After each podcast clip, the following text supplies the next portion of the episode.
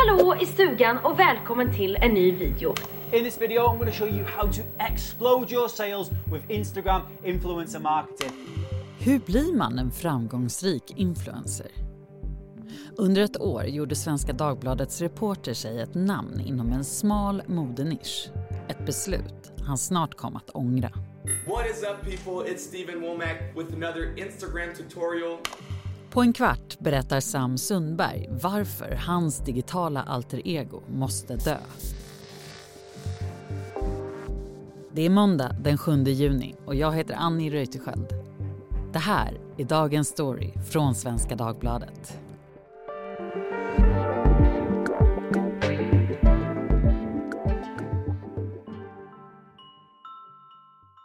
En morgon plockar jag fram frukosten tillsammans med min fru. Barnens väckarklockor ringer där uppe. I hallen hänger jackorna från Acronym, Valence och Neman. Jag drömde att jag såg en bild på dig på Instagram, säger hon. Sam Sundberg är kulturskribent på Svenska Dagbladet men det senaste året har han prövat på en alternativ karriär. I drömmen hade jag stått naken på en brygga, könshåret hängande som sjögräs i motljuset. Men hon säger att det inte var jag utan en annan blond influencer-tjej som hade lagt upp bilden. I kommentarsfältet skrev alla om hur fin jag var. Det är då jag fattar att jag måste bli som vanligt igen. Ja, Sam Sundberg, du har ju under ett års tid wallraffat influencervärlden. Berätta om det. Ja, planen var att undersöka den här influencerkulturen inifrån så att säga. Eh, influencers är ju en viktig del av vår samtid, makthavare på många sätt. Och man har ju läst mycket om hur många följare de har och eh, hur eh, mycket pengar de drar in och hur mycket spons de får. Men jag ville liksom utforska psykologin och fenomenologin och det kände jag att det kunde jag bara göra genom att ge mig in i det där själv och försöka skaffa mig en följarskara. Djupt ingrävde du verkligen. Vi ska prata mer om det. Men du valde eh, en lite speciell nisch, techwear. Eh, berätta om det och varför det blev just techware. Ja, det är en liten obskyr modenisch. Eh, eh, jag ville egentligen välja något ämne som låg ganska långt ifrån vad jag håller på med till vardags. Man förknippar ofta influenser i kultur med eh, lite så här yta och så. Jag ville prova på den delen av det hela. Och då är just techwear den modenisch som är ganska maskulint kodad. Eh, den eh, har influenser från eh, science fiction och militärkläder och um, friluftskläder och sådär. Jag tänkte att där kanske jag kan fungera som influencer fast jag är 46 år och gråhårig.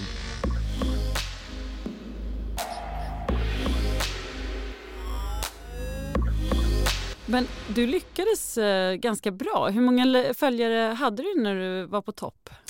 Ja, jag är på topp nu ja. kan man säga. ja, förlåt.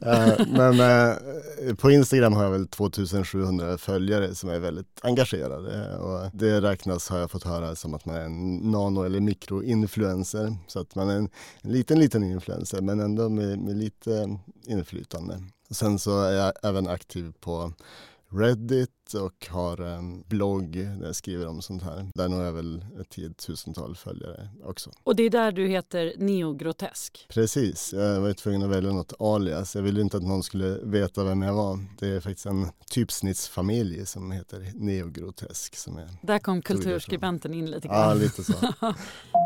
I've got loads of other awesome tips all about Instagram influencer marketing in this video. När Svenska Dagbladet i fjol gick igenom boksluten från några av Sveriges största influencers visade siffrorna att de tillsammans drog in över 100 miljoner kronor. Bianca Ingrosso är en av branschens bäst betalda med 1,2 miljoner följare. Men innan vi drar igång med det här så ska jag berätta att den här videon är faktiskt i samarbete med och i februari värderades hennes sminkbolag till en halv miljard. Alex Schulman, Kenza och Margot Ditz räknas också till de svenska influencers som har miljontals följare och som alla tar ut många miljoner i vinst varje år. Den här idén föddes på ett redaktionsmöte och alla kollegorna tyckte att det här var en eh, förträfflig idé. Men du skriver att eh, det var det inte. Varför då? Jag vet inte om man ska säga att det spårade ur, det gjorde det på sätt och vis. Jag, jag gav mig liksom djupare och djupare in i det här. Jag såg deadlines swisha förbi, det fanns alltid liksom något nytt att uppnå. Man kunde alltid komma längre. De här sociala medier-företagen, de är inte ute efter att skapa liksom varm gemenskap för att de är så gulliga, utan deras syften är ju alltid att tjäna pengar. Det gör de genom annonser och genom att manipulera folk att använda deras plattformar så länge som möjligt, så mycket som möjligt och spendera pengar hos deras annonsörer.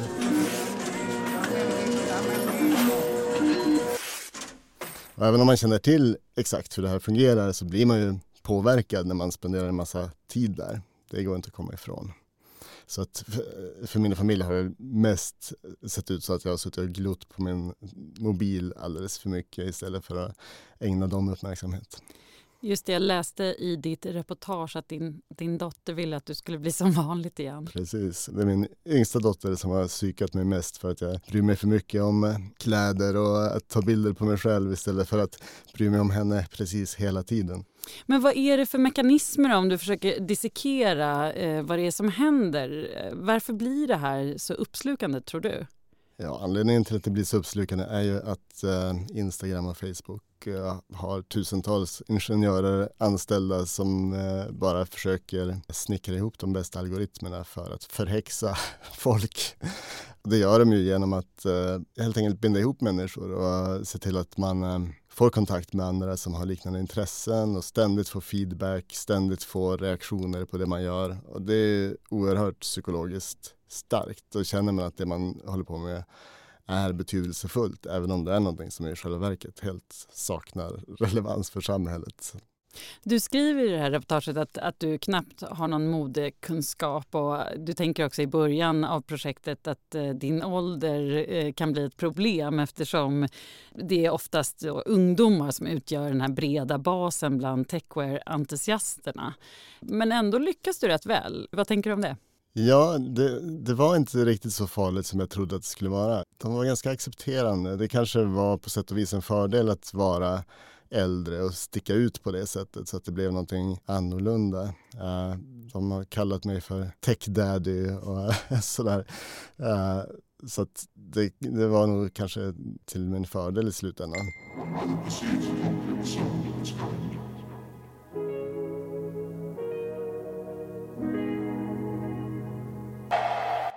Okej, så du kallades för Tech Daddy, det är ett underbart smeknamn. Men du blev också kallad clown och grönsak. Ja, det var de som eh, var mindre imponerade. Särskilt när de tyckte att jag tog på mig lite för stor kostym där i början när jag kom in i den här gemenskapen. Det var en artikel som jag skrev där på bloggen där jag gick igenom en ny kollektion från det mest statusfyllda techwear-märket Acronym. Jag skrev en ganska syrlig kommentar om de olika plaggen som, eh, som kom. Grejen var att jag hade inte provat plaggen. Jag hade inte ens eh, rört i en Acronym-jacka eh, när jag skrev det där och det tyckte en del var upprörande. Då blev det en viss pushback från delar av gemenskapen. Men du köper en begagnad jacka eh, av en ryss på nätet och hoppas på det bästa när du skickar iväg pengarna. Varför blir det vändpunkten? Jag kände att jag var tvungen då att eh, testa Acronyms kläder och då fick jag helt enkelt leta på obskyra begagnat sajter för att hitta något som var någorlunda i min prisklass. För nya kostar de här jackorna 20 000 kronor vilket jag tyckte var helt bisarrt på den tiden. Nu har ju, tycker du det fortfarande? Jag, jag tycker fortfarande att det är ganska bisarrt men äh, mina gränser har ju förflyttats ganska mycket. äh, nej men så att jag hittade den där för 7 500, en fem år gammal jacka, äh, skickade pengar och hoppades på att jag skulle få någonting och det fick jag också. När jag la upp då bilder med den jackan så märkte jag att plötsligt hade jag liksom tagit några kliv uppåt i hierarkin för att eh, när man använder då hashtaggen acronym hade på sig en sån jacka, då började folk märka att det var på allvar. Och det, jag blev kontaktad av någon kanadensisk influencerbyrå bara någon dag efteråt. En webbshop i Hongkong hörde av sig och ville skicka kläder till mig. Så det var lite som en magisk jacka kan man säga. Du beskriver den här världen som du trädde in i då som eh, kapitalismens nirvana. Vad menar du med det?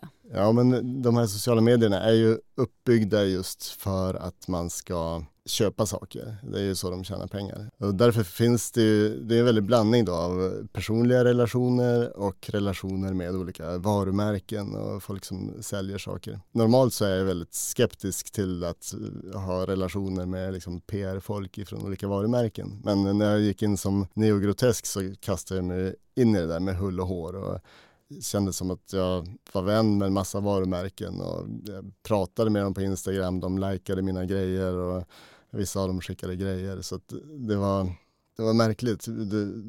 De var lika verkliga vänner nästan som, som andra personer runt om i världen som jag hade kontakt med.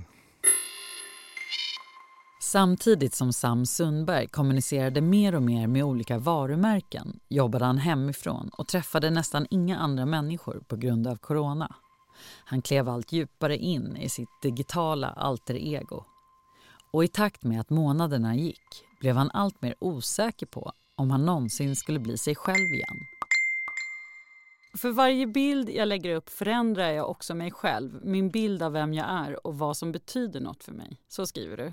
Ja, eh, det blev lite grann så här kontentan av alltihop att jag upptäckte att det här med influencerskap verkar i båda riktningarna. Man kan liksom inte hålla på med det här utan att också påverka sig själv. Uh, så att för varje bild jag la upp på mig själv så, så blev jag mer och mer en sån person som lägger upp bilder på sig själv på Instagram. Uh, det går inte att komma ifrån. Det här är det allra första avsnittet av Tips från influencercoachen. Lite grann så blir man ju en sorts hybrid som influencer av medmänniska och så reklampelare. Vilket är ett väldigt märkligt fenomen där jag klär på mig en massa kläder som kostar många, många, många tusenlappar. Taggar dem med alla varumärken. Folk tycker att det ser bra ut och så hör de av sig och frågar vilken storlek är det du har på dig? Jag ska köpa en sån. Så man, man, man känner ju liksom det där att man är en sorts reklampelare, obetald då i mitt fall. Men det är inte konstigt att eh, företag ser värde i det här och betalar de här stora influencersna ganska mycket pengar. Du har ju fått nya relationer genom det här projektet. Du har en blogg där eh, flera människor skriver som du har eh, ideellt som du har kommit i kontakt med genom det här projektet. Har du, har du berättat för dem att, att det här inte är en riktig blogg? Nej, det har jag inte gjort än. Jag kommer väl att få förklara mitt projekt för dem. Eh, samtidigt får man säga att det är ju en riktig blogg. Jag har ju liksom gjort det på allvar, trots allt. Även om intentionen från början var just att utforska influencerskapet snarare än att jag skulle sadla om och, från journalist till, till influencer. Det har jag inga planer på att göra på allvar. Känns det helt okomplicerat att lämna det här aliaset och, och bloggen nu då? Jag vet inte riktigt hur jag ska göra det. Antingen så får jag byta namn på neogrotesk på Instagram till Sam Sundberg och lägga om det hela på något sätt. Um, eller så stänger jag bara ner. Jag har inte riktigt uh, landat i, i vad det blir. Bloggen tänker jag, det, får kanske mina, mina kompisar som har skrivit ta över. Uh, så slipper jag ägna så mycket tid åt den. Var det någonting som inte funkade på det sättet du trodde när du gav dig in i det här? Ja, när man tittar på de olika plattformarna så blev det snart tydligt att Facebook var helt värdelöst till exempel jämfört med Instagram.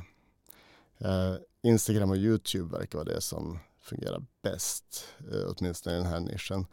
Um, om jag verkligen hade velat bli influencer inom techwear så skulle jag starta en, en Youtube-kanal också. Det verkar vara den stora grejen. Vad har du lärt dig av eh, hela det här ganska långa projektet?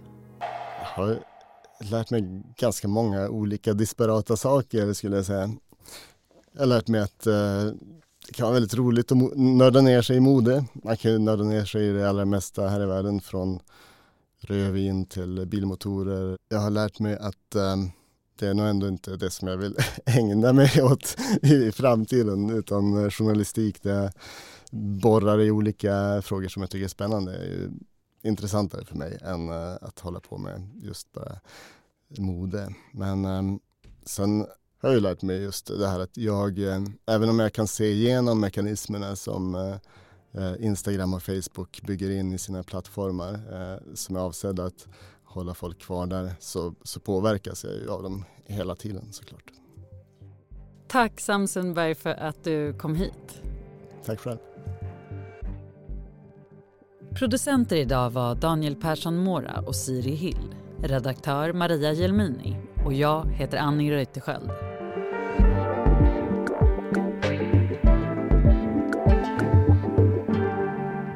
Du har lyssnat på Dagens Story från Svenska Dagbladet. Ett ämne, 15 minuter varje vardag. Prenumerera på Dagens Story i din poddspelare. Och vill du kontakta oss så mejla till dagensstory.svd.se.